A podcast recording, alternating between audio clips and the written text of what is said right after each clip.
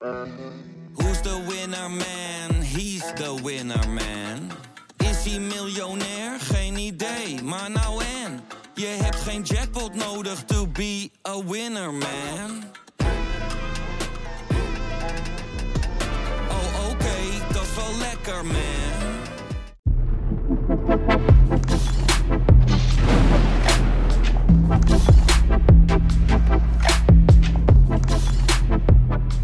VZSM, we zijn er weer. Van eh, donderdag eh, 13 oktober. Pieter, het is eh, ja, helaas niet goed gegaan met Ajax. Maar wel iets beter dan de vorige keer. Kunnen we het positief insteken op deze borg?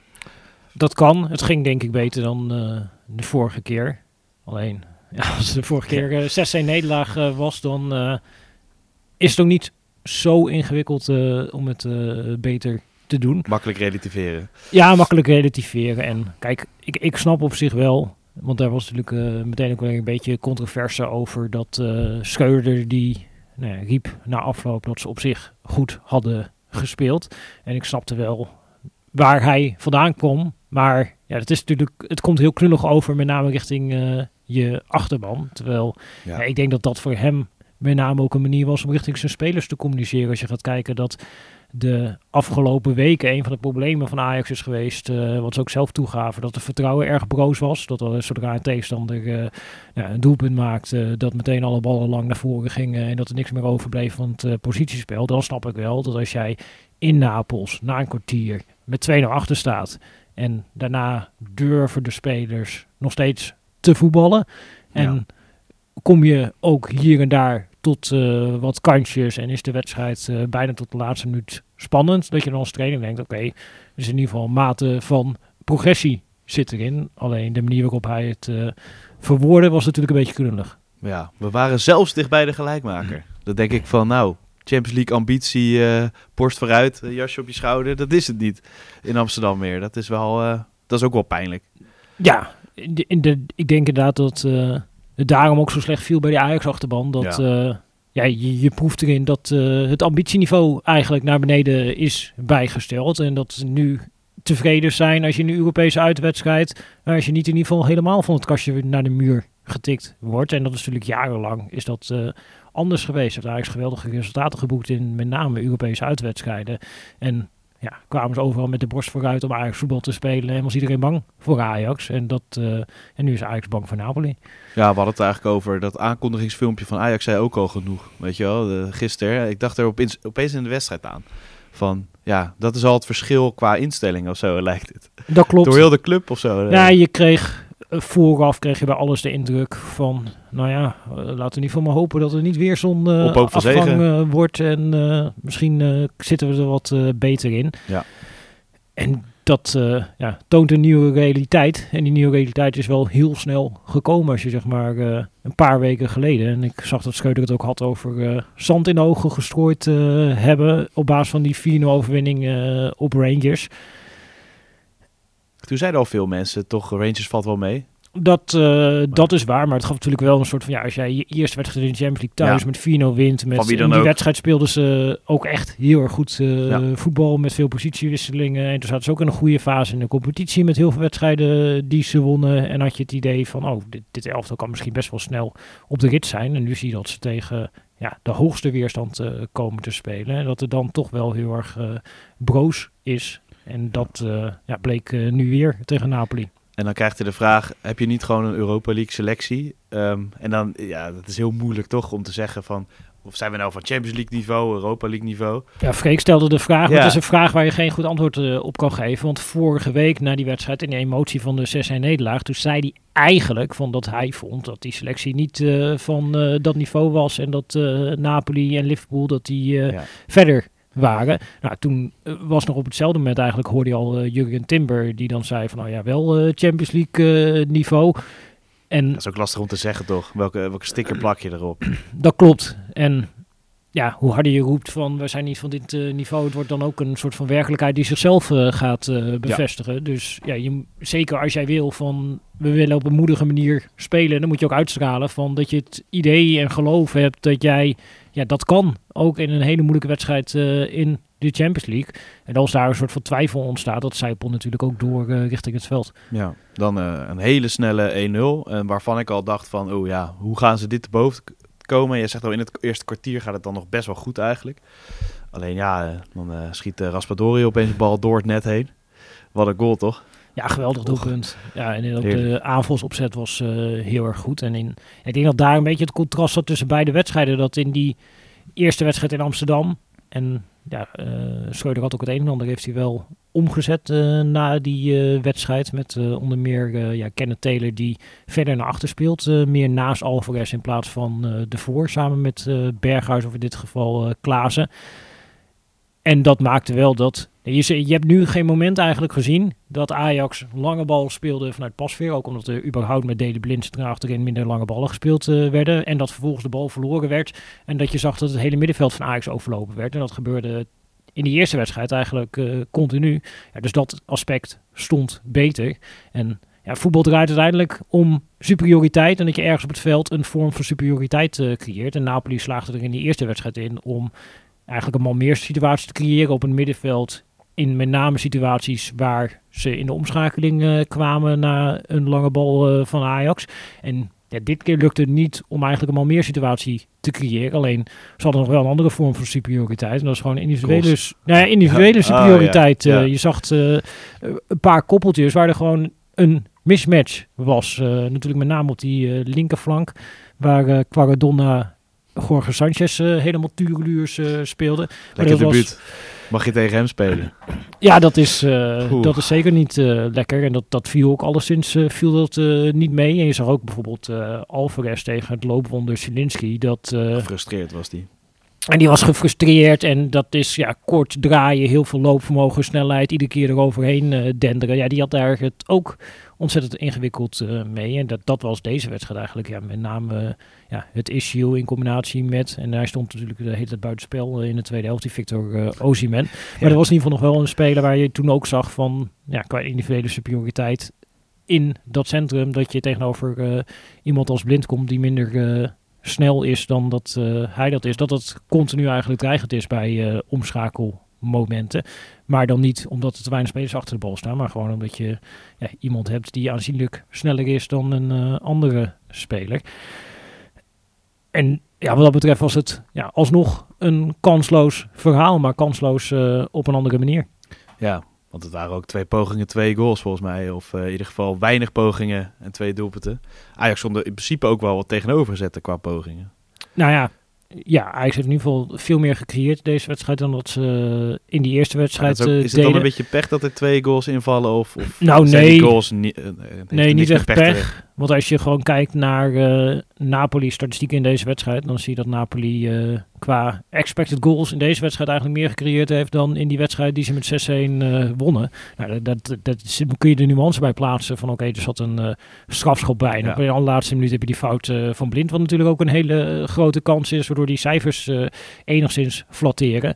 Maar ja, je geeft er wel gewoon weer vier goals weg. En dit was ook gewoon qua expected goals waarde tegen. Zat het zeg maar bij de vijf duels in de Champions League dit seizoen waar een tegenstander de meeste kansen creëerde. Dus ja, een van de vijf slechtste defensieve prestaties in de Champions League uh, seizoen uh, praat je over.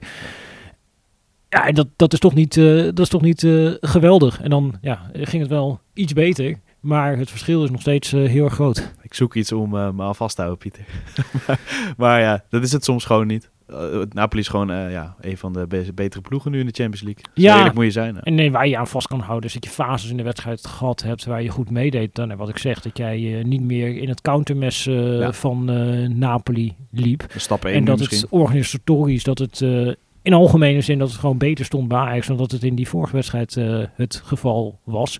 Ja, dat, dat zijn dingen waar je aan vast kan houden.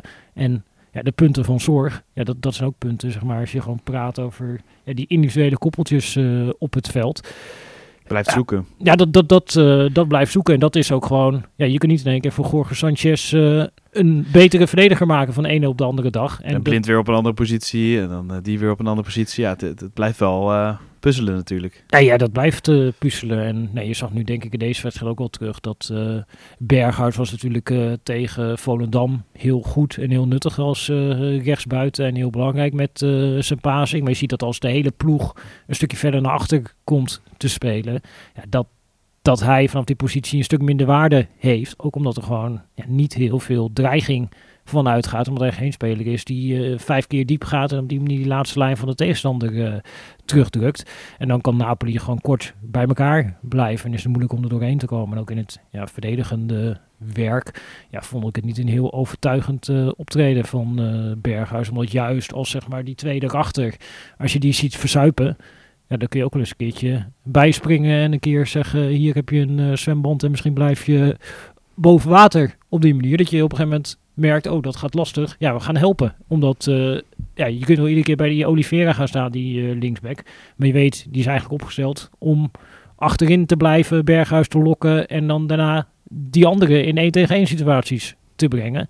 Ja, dan zou je denken van, goh, ja, loop wat fanatieker terug. Als je, als je bijvoorbeeld die, eh, volgens mij was de eerste goal, als je dat gaat terugkijken en je let gewoon alleen op Berghuis, ja, fascinerend wat daar gebeurt. Je ziet eh omschakelmoment. Nou, Napoli gaat met z'n allen gaan ze naar voren vanuit eh, een aanvalsituatie. Nou, die Oliveira die trekt eh, ook mee naar voren naar een spelverplaatsing. Op een gegeven moment ja, ziet die Oliveira en dan gaat nou, Berghuis gaat achter die Oliveira aan. Maar die Oliveira ziet, oh ja, er, lopen meer mensen voor de bal. Dus handig als ik weer even terug ga. En die ja, stopt op een gegeven moment naar voren sprinten, omdat hij ziet te veel spelers voor de bal. Ik neem weer mijn positie in.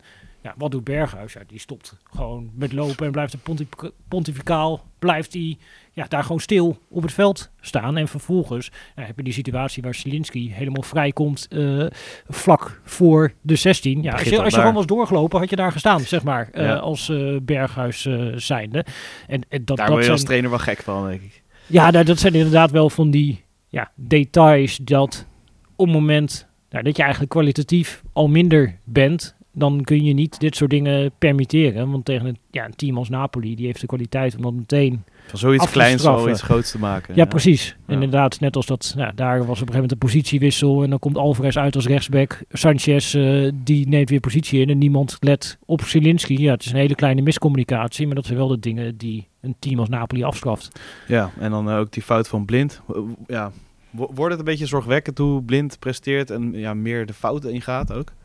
Nou, ik vond eigenlijk dat hij best oké wedstrijd eh, speelde blind. En hij zorgt in ieder geval voor dat die opbouw weer een beetje ergens op begint te lijken bij Ajax. Dus ja, dat moet je meegeven. En in die zin, ja, hij heeft gewoon bepaalde kwaliteiten die nog steeds cruciaal zijn voor dit elftal. Met ja. zijn passing en in de opbouw. Alleen je ziet ook dat hij... Worden meer foutjes of zo. Ja, en dat hij tekortkomingen heeft. Mhm. Eh, en ja, tegenstanders weten dat ook. En, ja, maar dit is eigenlijk een hele atypische blindfout. Omdat normaal gesproken, zeg maar, de, de dingen waar hij kwetsbaar in is, dat zijn eigenlijk ja, de momenten zoals je dat zag bij die goal van Lozano. Dat iemand eh, vanaf rechts naar het midden doorsprint. En dat je dan en Ja. niet als centrale verdediger de fysiek hebt om dat probleem op te lossen voor eh Bessie. Ja, Dat was echt een ruimteprobleem of zo. Dat hij niet wist waar de bal was ten opzichte van zijn tegenstander. En het, Ja, precies. Want hij zei van... Niks voor blind, nee. Nee, hij zei van ik probeer hem eigenlijk eh, af te kappen eh, door te doen alsof ik terug ga spelen op pasveer. En dat mislukte gewoon. Maar juist dat soort inschattingen, dat is normaal gesproken waar Ja, blind heel erg in uitblinkt. En nu, Misschien toch een beetje vertrouwen ook bij blind. Ja, het is heel lastig om dat dan te pinpointen van eh, waar ligt dat aan. Het is gewoon eh, in een individueel moment dat hij die fout maakt. Maar ik moet ook eerlijk zeggen dat hij niet extreem geholpen werd eh, in die situatie. Zeg maar, ziet Pasveer die is nog, nog aan het bewegen om ervoor te zorgen dat die paas achteruit gegeven kan worden. Maar ook om hem heen ja, zijn er dan gewoon weinig spelers die om de bal vragen en zich aanspeelbaar maken. En dat, dat is ook wel een probleem eh, voor Ajax op dit moment. Dat eh, ja, sommige spelers bij Ajax willen de bal liever niet meer eh, hebben. En dat, dat is met deze spelersgroep, dan kom je wel echt in de problemen. Ja, op Pro was het meest gelezen dat de dubbele zes weer terug is eh, bij Ajax. Dat Ja. hebben we inderdaad lang in de Pak Schaal podcast ook met Arco Doekie en Freek Jansen gehoord. De dubbele zes. Ja, ik, ik schrok bijna op. Ik was bij die, eh, die wedstrijd tegen Volendam en ik zat er in de perskamer en ik begon op een gegeven moment wat eh, vragen aan Schreuder te stellen. Onder andere over, goh, nou, heb je ook overwogen om bijvoorbeeld van ja, formatie te wisselen, om er met spelers echt iets anders neer te gaan zetten. En toen begon hij in één keer over die dubbele zes te praten. En dat dat eh, iets was wat ze hadden omgezet in de wedstrijd eh, tegen Volendam. Omdat uit die analyse van de wedstrijd tegen Napoli was gebleken dat ze vaak met te veel mensen voor de bal stonden en daarin kwetsbaar werden. En dat het beter was als Taylor ja, dan meer positiegebonden, zoals hij het zei, eh, ging invullen. En nou, ja, dat, ik moet zeggen dus dat dat is een aspect, daar zou de Ajax-fans zich eh, aan kunnen vasthouden. Dat in ieder geval die organisatie vaak wat beter eh, klopte. En dat je niet tegen de ene naar de andere counter aanloopt. De, dat, die dubbele zes, nou, dat pakt eh, goed uit. Dus dat, dat is in ieder geval Toch een positief puntje. ja, een positief puntje na deze avond voor de Ja. Ajax-fans. Dan hadden we het nog niet over een ander pro-stuk dat de Mexicanen helemaal doorgedraaid werden. Maar goed, daar hebben we het al een beetje over gehad. Ehm, het meest gelezen op vu.nl was weer net iets negatiever. Want Owen Wijndal, ja, die houdt eh, vooral eh, de bank eh, warm. En verder niet echt nog een functie bij Ajax helaas gehad. Theo Jansen zei op tv, ja, hadden het net zo goed weg kunnen gooien, dat geld. Ja, dat vind ik een soort opportunisme. Nou, dat hoort er geloof ik tegenwoordig bij. Maar ja, dat is allemaal veel te kort door de bocht hoe dat allemaal eh, geredeneerd eh, werd toen Wijndal in de zomer de overstap maakte Hele vanuit logische eh. AZ. Vond iedereen het een hele logische transfer. En nou ja, Leuke dat was jongen. heel goed. Ja, leuke jongen dat je daar 10 miljoen in investeerde. Dat was allemaal, nou, was helemaal positief. Nou, ik moet zeggen dat ik er toen wel bij dacht van, nou ja, ik heb hem verdedigend soms dingen zien doen bij AZ. Dat ik denk, nou, op dat aspect vind ik hem niet betrouwbaar. Werd En een beetje dat- ingehaald door Malasia als beste back. Terwijl hij zelf zei dat hij wel de beste back van Nederland was. Ja, en aanvallend was hij altijd van waarde. Maar bij Ajax is hij ook meteen eh, aanvallend van waarde geweest. Maar ook verdedigend is hij bij Ajax heel kwetsbaar gebleken in die eerste paar wedstrijden. Nou, die loopt volgens tegen een eh blessure aan. En wat volgens mij Schreuder heel realistisch uitlegde. Ja, hij heeft daarna eigenlijk alleen kunnen spelen in een oefenwedstrijdje van eh, jong Ajax onder weinig weerstand. Ja, moet je hem dan op het moment dat jij Champions League uitspeelt tegen Napoli in een wedstrijd met een gigantisch hoog tempo, moet je dan iemand die net terugkomt van de blessure er dan Ja. ingooien en op die manier riskeren dat hij meteen weer eh, geblesseerd raakt. Ja, je wordt alleen maar beter hoe lang je op de bank zit natuurlijk. En als het slecht gaat, zo gaat het natuurlijk. Dat, dat klopt. En dan ja, wordt meteen geredeneerd van, nou ja, als hij nu niet vertrouwen heeft en eh basis hem al voorbij, dan... eh, maar ja, je moet wel de specifieke context denk ik een beetje in het oog houden. En die context is een speler die net terugkomt van een blessure, nog geen wedstrijdminuten in de benen heeft. En op die manier dus nog niet wedstrijdfit is. Ja, en die kun je dan prima, denk ik, als jij zondag tegen Excelsior speelt en het lukt Ajax om daar een voorsprong eh, te nemen. Nou, daar kun je zonder enige zorgen, kun je hem daar eh, een half uurtje bij wijze van spreken mee eh, laten doen. En dan bouwt hij weer wedstrijdritme op. En nou ja, dan zeg maar de volgende Champions League wedstrijd heeft hij een paar keer is hij ingevallen in de Eredivisie. En dan kun je prima, Ja. kun je hem gaan opstellen. Alleen, ja, je kunt niet in één keer iemand die rechtstreeks eigenlijk vanaf de fysiotafel de Champions League eh, ingooien. Nee, maar het is- dat ja, is, die- ja, zo werkt het niet. Dat baas erin komt, die is natuurlijk onervaren. Dus dan, dan denken mensen van ja, eh, als die hem al voorbij is. Zo beredeneer je natuurlijk. mee. Ja, maar ik vind, dat, ja, ik vind dat gewoon te kort door de bocht. Omdat Ja. hij is hem voorbij in deze specifieke context. Maar dus hij is hem niet voorbij op het moment dat ze straks tegen Excelsior 2-0 voor staan. En Nee. op het moment dat hij Wijndal weer een paar keer gespeeld heeft en een paar keer minuten heeft gemaakt. En ze spelen dan thuis tegen Liverpool en er moet op een gegeven moment een nieuwe linksback in. Nou, dan neem ik aan dat eh Wijndal eerder wordt opgesteld dan dat eh, Baas wordt opgesteld. Dus je moet wel denk ik een iets breder perspectief pakken dan gewoon alleen deze wedstrijd. En dan eh, verstrekkende conclusies over het eh, perspectief van Wijndal eraan eh, Ja. verbinden. Al is het natuurlijk wel opmerkelijk dat met Kelvin Bessie, die bij Rangers met name indruk gemaakt heeft als centrale verdediger, daarvoor wel linksback heeft gespeeld, dat hij nu in de pickorde voor Wijndal is komen te staan. En het lijkt ook wel op dat hij voorlopig in die pickorde voor Wijndal blijft staan. En dat vind ik opmerkelijker dan dat Baas nu invalt in plaats van dat eh Wijndal speelt. Denk je dat hij na het WK baasspeler wordt bij Ajax? Uiteindelijk, Wijndal? Nou, vind ik een hele lastige. Want ik denk dat je Daily Blind in principe altijd opstelt.